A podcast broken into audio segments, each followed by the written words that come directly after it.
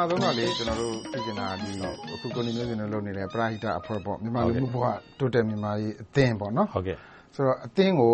ဘယ်လိုပုံစံနဲ့ စပြီးတော့ ဖွဲ့ဖြစ်သွားတာလဲဆိုတာကို ပြောပြပါအုံး။ကျနော် ပထမအကြိမ် ထောင်ကလွတ်တဲ့ ၂၀၁၁ မှာ ပြည်သူ့အကျိုးပြုတာဝန် ထမ်းဆောင်မယ်။ ပြီးတော့ကျနော်ကိုယ်တိုင်လည်း၂၀၀၅ခုနှစ်ကတည်းက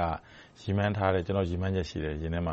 ညီညွှတ်ရေး၊တိုးတက်ရေး၊ငြိမ်းချမ်းရေးဒီခုကိုဦးတည်ပြီးတော့အမြဲတမ်းလုပ်ကြမယ်။အဲဒီအထဲမှာအခရာကျတဲ့တိုးတက်ရေးလုပ်ဖို့ကြတော့မြန်မာ့လူမှု့ဘဝတွေ၊လူနေမှုဘဝတွေမြင့်မားလာမှ။မြင့်မားလာအောင်လုပ်ဖို့ဆိုတာညီညွှတ်အောင်အရင်လုပ်မှ။ ညီညွှတ်မယ်၊တိုးတက်မယ်ဆိုရင်ငြိမ်းချမ်းရေးကအလိုလိုရလာမယ်။အဲဒီရည်ရွယ်ချက်နဲ့ပထမအကြိမ်ထောင်ကလွတ်တဲ့၂၀၁၁မှာမြန်မာ့လူမှု့ဘဝတိုးတက်မြင့်မားရေးကွန်ရက်ဆိုပြီးတော့စပြီးတော့စုဖွဲ့လှုပ်ရှားပါတယ်။ဆိုတော့စပြီးတော့ဒီအဖွဲ့ကိုဖွဲ့ဖို့စိတ်ကူးတဲ့အခါမှာ ဘာတွေကိုဦးစားပေးလုပ်ရင်တော့ အဆင်ပြေမလဲ။မြန်မာပြည်ကတော့ လိုအပ်နေတာဘက်စုံက လိုအပ်နေတာပေါ့။အဘက်ဘက်က ချွတ်ခြုံကျနေတာဆိုတော့။ကိုနေမျိုးဇင် စိတ်ထဲမှာ ဦးစားပေးလုပ်ရမယ့် ကဏ္ဍဆိုတာ ရှိသလား။ဦးစားပေးကတော့ ပညာရေး ဖြစ်ပါတယ်။ဒုတိယကတော့တတ်စွမ်းသမျှ၊လက်လှမ်းမီသမျှ ကျန်းမာရေး အထောက်အကူ။ပညာရေးကတော့ လူတိုင်း လက်လှမ်းမီတယ်။စာအုပ်လေးပဲလှူလှူ၊ဘောပင်လေးပဲပေးပေး၊ကွန်ပြူတာပဲ သွားသင်သွားသင်၊ကျောင်းပဲဆောက်ဆောက်ပညာရေးက ကျနော်တို့တိုင်းပြည်ရဲ့ အနာဂတ် ဖြစ်တယ်။ပညာရေးကောင်းမှလဲ ပညာရေးကြောင့် ဆက်လက်ပြီးတော့ ထိန်းသိမ်းသွားနိုင်မယ့်ကျန်းမာရေးအပါအဝင် လူနေမှုဘဝ၊နိုင်ငံရေး၊စီးပွားရေးအားလုံးဆက်ပြီးတော့ ကောင်းသွားနိုင်မယ်။အဲဒါကြောင့် မြန်မာ့လူမှု့ဘဝတိုးတက်ရေးအသင်းရဲ့ အဓိက ပြည်သူ့အကျိုးပြုလုပ်ငန်းတွေမှာ ပညာရေးကို ဇောက်ချပြီးတော့ လိုက်ကူညီပေးနေတာ ဖြစ်ပါတယ်။အခုဆိုရင်ကျောင်း ကျောင်းအထိ ကျနော်တို့ ညီအကိုတွေကျေးလက်တွေမှာ လိုက်ဆောက်ပြီးပါပြီ။ကိုနေမျိုးဇင်တို့ လုပ်နေတဲ့လုပ်ငန်းက ကြီးကျယ်တယ်။လုပ်ငန်းတွေလည်း များတယ်ဆိုတော့ Resource အရင်းအမြစ်က ဘယ်လို-လူတွေက လှူတာတော့ ဟုတ်တာပေါ့။ လှူပေမယ့်လဲအလှူတွေပဲလက်ခံထားရင်လဲ ပြန်ဖြန့်ဖြူးဖို့က လိုသေးတယ်။လူအင်အားကလည်းလိုတယ်။ငွေအင်အားလည်းလိုတယ်။အဲဒီဟာကြတော့ ဘယ်လိုလုပ်ကြလဲ။ပင်တိုင် ကျနော်တို့မှာလှူပေးနေတဲ့ လစဉ်အလှူရှင်တွေ ရှိတယ်။အဲဒါတွေကတော့ Oversea ကို အကြောင်းအမျိုးမျိုးနဲ့ ရောက်နေတဲ့ မြန်မာနိုင်ငံသားတွေပါ။များသောအားဖြင့် စင်္ကာပူ ဒေါ်လာ နေ့စဉ်လှူတဲ့ အဖွဲ့တွေ ရှိပါတယ်။တနေ့ ဒေါ်လာ လှူတဲ့ အဖွဲ့ဝင်တွေ ရှိတယ်။ဂျပန်ဆိုရင် ယန်း နေ့စဉ်လှူကြတဲ့အဖွဲ့တွေရှိပါတယ်။အခုဆိုရှစ်ဆယ်လောက်အဖွဲ့ဝင်ဖြစ်လာပြီ။ထိုင်းမှာဆိုရင်ဝမ်ဘတ်နေ့စဉ်လှူကြတယ်။အခုဆိုသူတို့မှာအယောက်လေးထောင်ငါးရာ၊ငါးထောင်လောက်ရှိပါပြီ။မလေးရှားဆိုလည်းတစ်ရင်းဂစ်နေ့စဉ်လှူကြတယ်။အဲဒီလိုစုကြပြီးတော့ကျနော်တို့အသင်းကိုယုံကြည်စွာနဲ့လစဉ်ပေးပို့တဲ့ဟာတွေနဲ့စုစုလိုက်တယ်။အဖွဲ့ဖွဲ့ပို့လိုက်ရင်တစ်ဖွဲ့ကိုသိန်းအစိတ်ဘာပြောပြောသုံးလေးဖွဲ့စုလိုက်တဲ့အခါမှာနှစ်လလောက်ဆိုရင်ကျောင်းတစ်ကျောင်းဖြစ်တယ်။ အဲဒီလိုပုံစံလေးနဲ့သွားတယ်။တခါတလေကြတော့တဦးတည်းအလှူရှင်တွေရှိတယ်။မိသားစုလိုက်တွေလှူတာရှိတယ်။ယုံကြည်စွာနဲ့ကိုနေမျိုးဇင်လိုတာသုံးဆိုပြီးပေးပို့လာတဲ့အလှူရှင်တွေရှိတယ်။ အဲဒီဟာတွေနဲ့စောစောကပြောတဲ့ရခိုင်ကိစ္စအပါအဝင်ရခိုင်မှာတပ်စခန်းတွေမှာဖြစ်ခဲ့တယ်။ CCTV တွေမရှိလို့မီဒီယာထိခိုက်နစ်နာမှုဖြစ်ခဲ့တယ်။ချက်ချင်းစုံသွားပြေးတက်တယ်။ကူညီကယ်ဆယ်ရေးအလုပ်တွေလည်းလုပ်တယ်။ဘက်မျှတဲ့အလုပ်တွေ။အရင်စစ်အစိုးရလက်ထက်၊ဦးသိန်းစိန်အစိုးရ၊အခု NLD အစိုးရလက်ထက်ရောက်လာပြီ။ဆိုတော့စစ်အစိုးရလက်ထက်ကတည်းကအမျိုးမျိုးအခက်အခဲတွေကြုံခဲ့ရတယ်။ထောင်ကျခဲ့ရတယ်။ လုပ်ရကိုင်ရတာတွေက ကျနော်တို့ကတော့ အပြင်မှာနေတဲ့လူတွေ၊သတင်းမီဒီယာသမားတွေကတော့ နှိုင်းယှဉ်ကြတယ်။စစ်အစိုးရလက်ထက်နဲ့ ဦးသိန်းစိန်အစိုးရလက်ထက် နှိုင်းယှဉ်ရင် ဘယ်လိုနေသလဲ။လုပ်ရကိုင်ရလွတ်လပ်သလား။ဒါမှမဟုတ် ဦးသိန်းစိန်အစိုးရလက်ထက်နဲ့ NLD အစိုးရလက်ထက် လုပ်ရကိုင်ရတာ ဘယ်လိုကွာသလဲ။ပိုကောင်းလာသလား။ဘယ်လိုနေသလဲဆိုတော့ မီဒီယာဘက်ကကြည့်ရင် မီဒီယာသမားတွေ ပိုအဖမ်းခံရတယ်။ဒီအစိုးရလက်ထက်မှာဆိုပြီး ပြောကြဆိုကြတာ ရှိတယ်။ဒါပေမဲ့ လူမှုရေးလုပ်နေတဲ့ အသင်းတွေကြတော့ ဘယ်လိုကွာဟချက်တွေ ရှိသလဲ။သဘောက အရင်အစိုးရနဲ့ အခု NLD အစိုးရလက်ထက်မှာဆိုရင်။ကျနော်တို့ကတော့ ပိုပြီးတော့ ထိရောက်ကျယ်ပြန့်စွာ လုပ်လာခွင့်ရတယ်လို့ ကျနော်တို့ ယူဆတယ်။အခုဆိုရင် အမေရိက ဖွဲ့စည်းထားတဲ့ Pledge to Myanmar ကျနော်တို့နဲ့ တရားဝင်ချိတ်ပြီး အမေရိကန်အစိုးရ ခွင့်ပြုတယ်ဆိုတဲ့ အရင်အစိုးရခေတ်ထက်ဆိုရင် ကျနော်တို့ ဆက်သွယ်ခွင့်ရမှာ မဟုတ်ဘူး။ အခုချိတ်ဆွဲခွင့်ရတယ်။တရားဝင်ငွေပေးငွေယူလွှဲပို့ပြီးတော့လုပ်တာတွေဆောင်ရွက်ခွင့်ရတယ်။ပြည်ထောင်စုအစိုးရကိုယ်တိုင်ကကျနော်တို့လူမှုရေးအသင်းတွေရဲ့စာရင်းရှင်းတမ်းတွေ၊နှစ်ချုပ်စာရင်းရှင်းတမ်းတွေတောင်းတယ်။ကျနော်တို့ပေးပို့ရတယ်။တရားဝင်လည်းမှတ်ပုံတင်ချပေးတယ်။လိုအပ်ရင်အစိုးရအစီအစဉ်နဲ့လူကယ်ပြန်အစီအစဉ်နဲ့အစည်းအဝေးတွေညှိနှိုင်းဆောင်ရွက်တာတွေရှိလာတယ်။ဒါကတော့တိုးတက်လာတဲ့အသီးအပွင့်။ဒါပေမဲ့တိုးတက်လာတဲ့အသီးအပွင့်လွတ်လပ်စွာဆောင်ရွက်ခွင့်ရလာတဲ့အပေါ်မှာကျနော်တို့မြန်မာပြည်ရဲ့စာရိတ္တနဲ့ရိုးသားဖြောင့်မတ်မှုစံချိန်စံညွှန်းတွေကတချို့က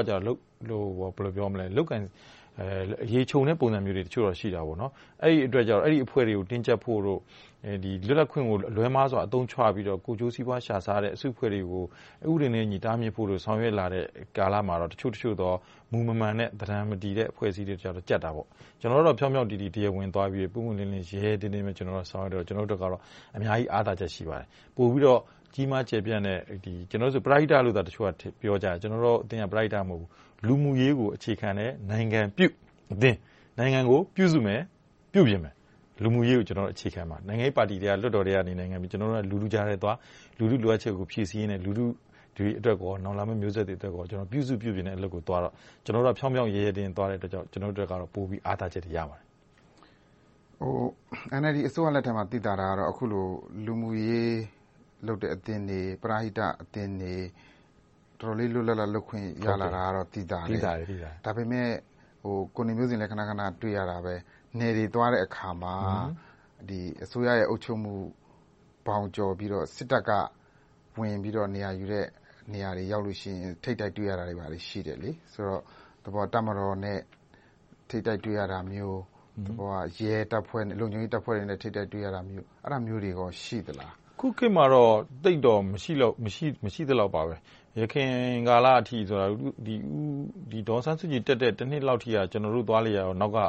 ရှယ်ဒိုပါသေးတယ်။အခုနောက်ပိုင်းတော့ သိပ်တော့မရှိတော့ပါဘူး။ရှိလည်းကျနော်တို့က ဝမ်းမြောက်စွာ ကြိုဆိုပါတယ်။ သူတို့ကျနော်တို့သံသယရှိလို့ဖြစ်စေ၊ကျနော်တို့လုပ်ဆောင်ချက်ကိုမှတ်တမ်းတင်ဖို့ဖြစ်စေလိုက်ပါကူညီတယ်လို့ပဲသဘောထားပြီးပူးပေါင်းဆောင်ရွက်ပါတယ်။လိုက်ပြီးတော့သတင်းယူဖို့တာဝန်ပေးအပ်ခံရတဲ့ပုဂ္ဂိုလ်တွေကိုယ်တိုင်လည်းနားလည်ပါတယ်။ကျနော်တို့တွေကိုအထက်ကခိုင်းလို့သာသူတို့လာတယ်။ကျနော်တို့ဖြောင့်ဖြောင့်ဖြူဖြူလုပ်နေတယ်ဆိုတော့တဘက်ကလည်းစည်းရုံးရေးရတာပေါ့။အဲဒီတော့ဝန်ထမ်းယန္တရားကြီးကိုလူမှုရေးအသင်းတွေထိတွေ့မှုအားဖြင့်သူတို့စိတ်ထဲက တင်းကျပ်ခံစားနေရတယ်လည်းသိလာရသလိုကျနော်တို့တွေသူတို့အသွင်ကူးပြောင်းရေးအတွက်သူတို့အင်အားကိုဘယ်လိုဆွဲဆောင်ခေါ်ယူသွားမလဲဆိုတဲ့လက်တွေ့ကျတဲ့ထိစပ်မှုတွေလည်းကျနော်တို့ရတာပေါ့။အဲဒီတော့သူတို့စစ်တပ်တို့ရဲတို့ဆိုတာယခင်ကာလတုန်းကကျနော်နဲ့အထူးသဖြင့်အတိုက်အခံတွေဖြစ်ခဲ့ဖူးပါတယ်ဦးသိန်းစိန်လက်ထက်အထိ။အခုနောက်ပိုင်းတော့မရှိသလောက်ပါပဲ။ပူးပေါင်းဆောင်ရွက်တာတွေအများကြီးရှိပါတယ်။တပ်ထဲကဆိုလည်းသူငယ်ချင်းဟောင်းတွေပြန်အဆက်အသွယ်အကုန်ပြန်ရတယ်။အရင်တုန်းကသူတို့ဆက်သွယ်ချင်တယ် ကျနော်နဲ့ဖုန်းကအမြဲတမ်းကြားဖြတ်နားထောင်နေတာကိုကျနော်ဖုန်းဆက်ပြီဆိုတာနဲ့ချက်ချင်းသူတို့နယ်ရွှေ့တာတို့ရာထူးချတာတို့ခေါ်စစ်တာတို့ဖြစ်တဲ့အထိဖြစ်တော့သူတို့မဆက်ရဲကြဘူး။အခုကတော့သူတို့ဆက်သွယ်ကြပါတယ်။အဲဒီတော့နည်းနည်းလေးပွင့်လင်းလွတ်လပ်လာတယ်လို့ပြောလို့ရပါတယ်။ဒါလဲကမ္ဘာ့ဖိအားတွေနဲ့နိုင်ငံတကာ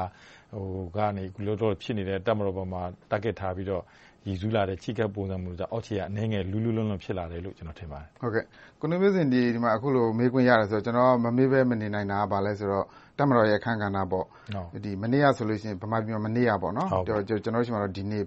ဆိုရင် ကာကွယ်ရေးဦးစီးချုပ်က ၂၀၀၈ ဖွဲ့စည်းပုံကို ကာကွယ်ဖို့ လုံးဝတပ်မတော်အနေနဲ့ ဒီအတိုင်းပဲ ရပ်တည်သွားမယ်ဆိုတဲ့ ပုံစံမျိုး ပြောသွားတယ်။ဒေါ်အောင်ဆန်းစုကြည်ကလည်း စင်္ကာပူမှာပြောတဲ့မိန့်ခွန်းနောက်ဆုံးပြောသွားတဲ့ မိန့်ခွန်းမှာဆိုရင်သူက၂၀၀၈ ဖွဲ့စည်းပုံ ပြင်မှသာလျှင် ဒီမိုကရေစီ ပြုပြင်ပြောင်းလဲရေး ပိုပြီးတော့ ခရီးရောက်မယ်။မြန်မြန်ဆန်ဆန် ဖြစ်မယ်ဆိုပြီးတယောက်နဲ့တယောက်က နှစ်ဘက်က စကားအရစစ်ထိုးလာကြပြီ။အပြန်အလှန်ထိုးလာကြတယ်။ကာကွယ်ရေးဦးစီးချုပ်ကရှမ်းပြည်မှာထွက်ပြောတယ်။ဆိုတော့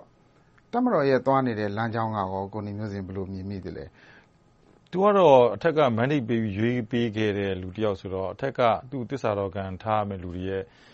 ရည်ညွှန်းချက်အတိုင်းရုပ်သေးအတိုင်းကနေတယ်လို့ပဲကျနော်ကပြောချင်တယ်။ဒါဘာဖြစ်လို့သူ့ရဲ့သိသာထင်ရှားတဲ့စွမ်းဆောင်ရည်နဲ့အခုနှစ်ခွဲနှစ်အတွင်းမှာတပ်မတော်ဘက်ကနေသိ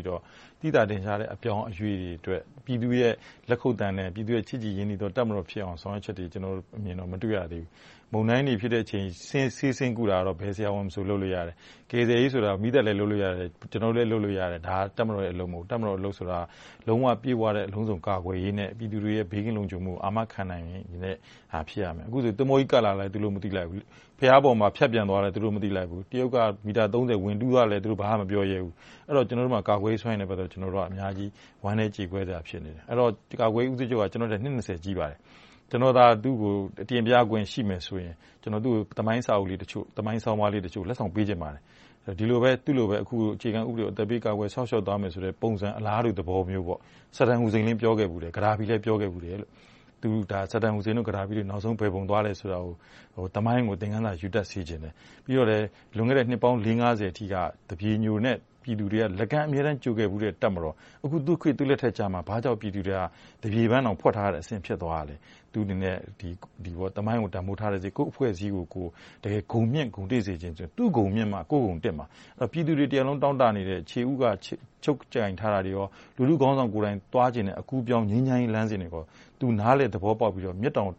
တဆုံးပဲ မဟုတ်ဘဲ မျက်စိတဆုံး ကြည့်မယ်ဆိုရင် အခု ခြေဦးကို ဖက်တွယ်ကာကွယ်မယ်ဆိုတာဂဒါဘီလမ်းစဉ်ကို သူ့အနေနဲ့ရောက်သွားနိုင်တယ်ဆိုတာကိုကျနော်ကသူ့ကိုပေးပို့ချင်တယ်။ကျနော့်ခံယူချက်ပြောပြတာ။မကြာခင်မှာကြားဖြတ်ရွေးကောက်ပွဲကလည်းလာတော့မှာ။ဒါကြောင့်မို့နိုင်ငံရေးဒီရေချိန်ကလည်းမြင့်လာတယ်ထင်တယ်။ NLD ဘက်ကရော၊တပ်မတော်ဘက်ကရောနောက်တခြားနိုင်ငံရေးပါတီတွေကရော။ဆိုတော့ကိုနေမျိုးဇင်ဆိုလိုချင်တာကတော့ကာကွယ်ရေးဦးစီးချုပ်ဗိုလ်ချုပ်မှူးကြီးမင်းအောင်လှိုင်အနေနဲ့အချိန်ရှိသေးတယ်။သူ့အနေနဲ့ပြုပြင်ပြောင်းလဲဖို့လုပ်ချင်တဲ့ဆန္ဒရှိတယ်ဆိုရင်လုပ်လို့ရသေးတယ်လို့ဆိုလိုချင်တာ။မှန်တယ်။အခုအချိန်မှာသူရွေးချယ်ခွင့်ရှိပါတယ်။ ပြည်သူချဉ်ဖတ်ဖြစ်သွားမလား။ပြည်သူချစ်မြတ်နိုးတဲ့ ရင်ဘတ်ထဲကို ဝင်မလား။ချဉ်ဖတ်နဲ့ ရင်ဘတ် နှစ်ခု ရွေးစရာ ရှိပါတယ်လို့ ကျနော် ပြောချင်တယ်။အခု ကိုနေမျိုးဇင်တို့အဖွဲ့အနေနဲ့ အခုသွားလာလှုပ်ရှားနေကြတယ်ဆိုတော့ အနာဂတ်မှာ အခုလုပ်နေတဲ့ ကဏ္ဍတွေအပြင် ဘာတွေများ တိုးချဲ့လုပ်ချင်တာ ရှိပါလဲ။အခု ကျောင်းစောင့်တံတားစောင့်လုပ်ငန်းတွေကတော့ သမားရိုးကျနည်းလမ်းတွေနဲ့ သွားမှာပါ။ကျန်တာတွေကတော့ တိုင်းရင်းသားလူငယ်တွေကို အထူးသဖြင့် ကျနော်သွားတဲ့နေရာတွေမှာ ကလေးတွေ အများကြီး ပညာသင်ခွင့် ဆုံးရှုံးနေတယ်။စစ်ဘေးကြောင့်ဖြစ်ဖြစ်၊မူးယစ်ဆေးဝါးကြောင့်ဖြစ်ဖြစ်၊ဆင်းရဲနွမ်းပါးမှုကြောင့်ဖြစ်ဖြစ် ပညာရေးကျောင်း မရှိလို့ဖြစ်ဖြစ် ပညာသင်ခွင့်မရတဲ့ ကလေးတွေ အများကြီး စာရင်းတွေ ချိတ်ဆက်ပြုစုထားတာ ရှိပါတယ်။အခု ကျနော်တို့ ဒီကပြန်တာနဲ့ဝိုင်းဝန်းပြီးတော့ Pledge To Myanmar နဲ့ အမေရိကန်ရောက် မြန်မာတိုင်းရင်းသားတွေ စုပေါင်းလှုဒါန်းလိုက်တဲ့ အခုဆိုရင် ပြည်နယ် ခုပဲ သွားရပါသေးတယ်။ဒေါ်လာ လေးသောင်းလောက်လှုဒါန်းဝိုင်းဝန်းကူညီထားပါတယ်။ဒါနဲ့ ရုံးချုပ်အဆောက်အအုံ တည်ဆောက်ပါမယ်။ကျောင်းတခု Private ကျောင်းတခုပုံစံမျိုးစီစဉ်ဆောင်ရွက်ပါမယ်။ကလေးတွေကို ပြုစုပျိုထောင်ပေးပါမယ်။အမျိုးသမီး သက်မွေးဝမ်းကျောင်းတွေ သင်ပါမယ်။မော်တော်ကားပြင်တဲ့ သင်တန်းမျိုးတွေ၊မူကြိုဆရာမ သင်တန်းမျိုးတွေကိုဖြည်းဖြည်းဖြည်းသက်မွေးဝမ်းကျောင်း သင်တန်းတွေ မူကြိုဆရာမဆိုတာ Europe နဲ့ အမေရိကတို့မှာသုံးတဲ့နည်းလမ်းမျိုးတွေ။ကလေးတယောက်ကို ဘယ်အချိန်ကစပြီး ဒီမိုကရေစီ သဘောတရားနဲ့ တာဝန်ယူနိုင်စွမ်း၊တာဝန်ယူချင်စိတ်နဲ့ အသိဉာဏ်ဖွံ့ဖြိုးမှု ဘယ်လို Train လုပ်ရမယ်ဆိုတာကိုကလေးတွေက စပြင်မှရမှာ။အစိုးရကလည်း လုပ်နိုင်သလောက်လုပ်နေတယ်။ကျနော်တို့တွေကလည်း ဝိုင်းလုပ်မှရမယ်။အစိုးရမှာဘောင်ကျဉ်းတယ်။ဝန်ထမ်းယန္တရားကအစ လိုက်ပြောင်းရမယ်။ Mindset တွေ Change ဥပဒေတွေ Change ရမယ်။နောက်ဆုံး Budget ကအစ ရယူဖို့အများကြီးပြောရမယ်။ဥပဒေပြင်ဖို့တင်းခံနေတဲ့လူကြောင့် Budget တိုးလာဖို့လည်း အကြောင်းမရှိဘူး။ဝန်ထမ်းယန္တရားကို ကိုယ့်အောက်ကို ပြည်သူ့အစိုးရအောက်ကိုကောင်းကောင်းပြောင်းနိုင်ဖို့မလွယ်သေးဘူး။အဲဒီတော့ သူတို့မိုက်သောသူတွေ ဆက်မိုက်နေတဲ့အချိန်မှာ ကျနော်တို့ပြည်သူတွေကအလိုက်တသိနဲ့ ရည်မှန်းထားတာ။ဒါကလဲ ပြည်သူပါဝင်မှ ဖြစ်မှာပါ။ကျနော်လည်း ကံကြမ္မာပေးမှ ဖြစ်မှာပါ။သို့သော် ကျနော်တို့ ဒီအတိုင်း ငြိမ်နေလို့ မရဘူး။ကျနော်တို့ဖာသာ နေလို့မရဘူးဆိုတာလေးကို ကျနော်တို့ လေးနက်စွာ ခံယူပြီးတော့ ဖြည်းဖြည်းချဲ့ထွင်တိုးချဲ့ပြီး ၂၀၂၅ အထိ ကျနော်က ဒီအသင်းကြီးကို ကောင်းကောင်းလည်ပတ်သွားမယ်လို့ တည်ဆောက်သွားမယ်လို့နောက်လာမယ့်မျိုးဆက်တွေကိုအမွေပေးသွားနိုင်ဖို့စည်းမျဉ်းစည်းကမ်းတွေနဲ့လက်လွှဲပေးသွားနိုင်ဖို့ဆက်ကြိုးစားသွားမှာဖြစ်ပါတယ်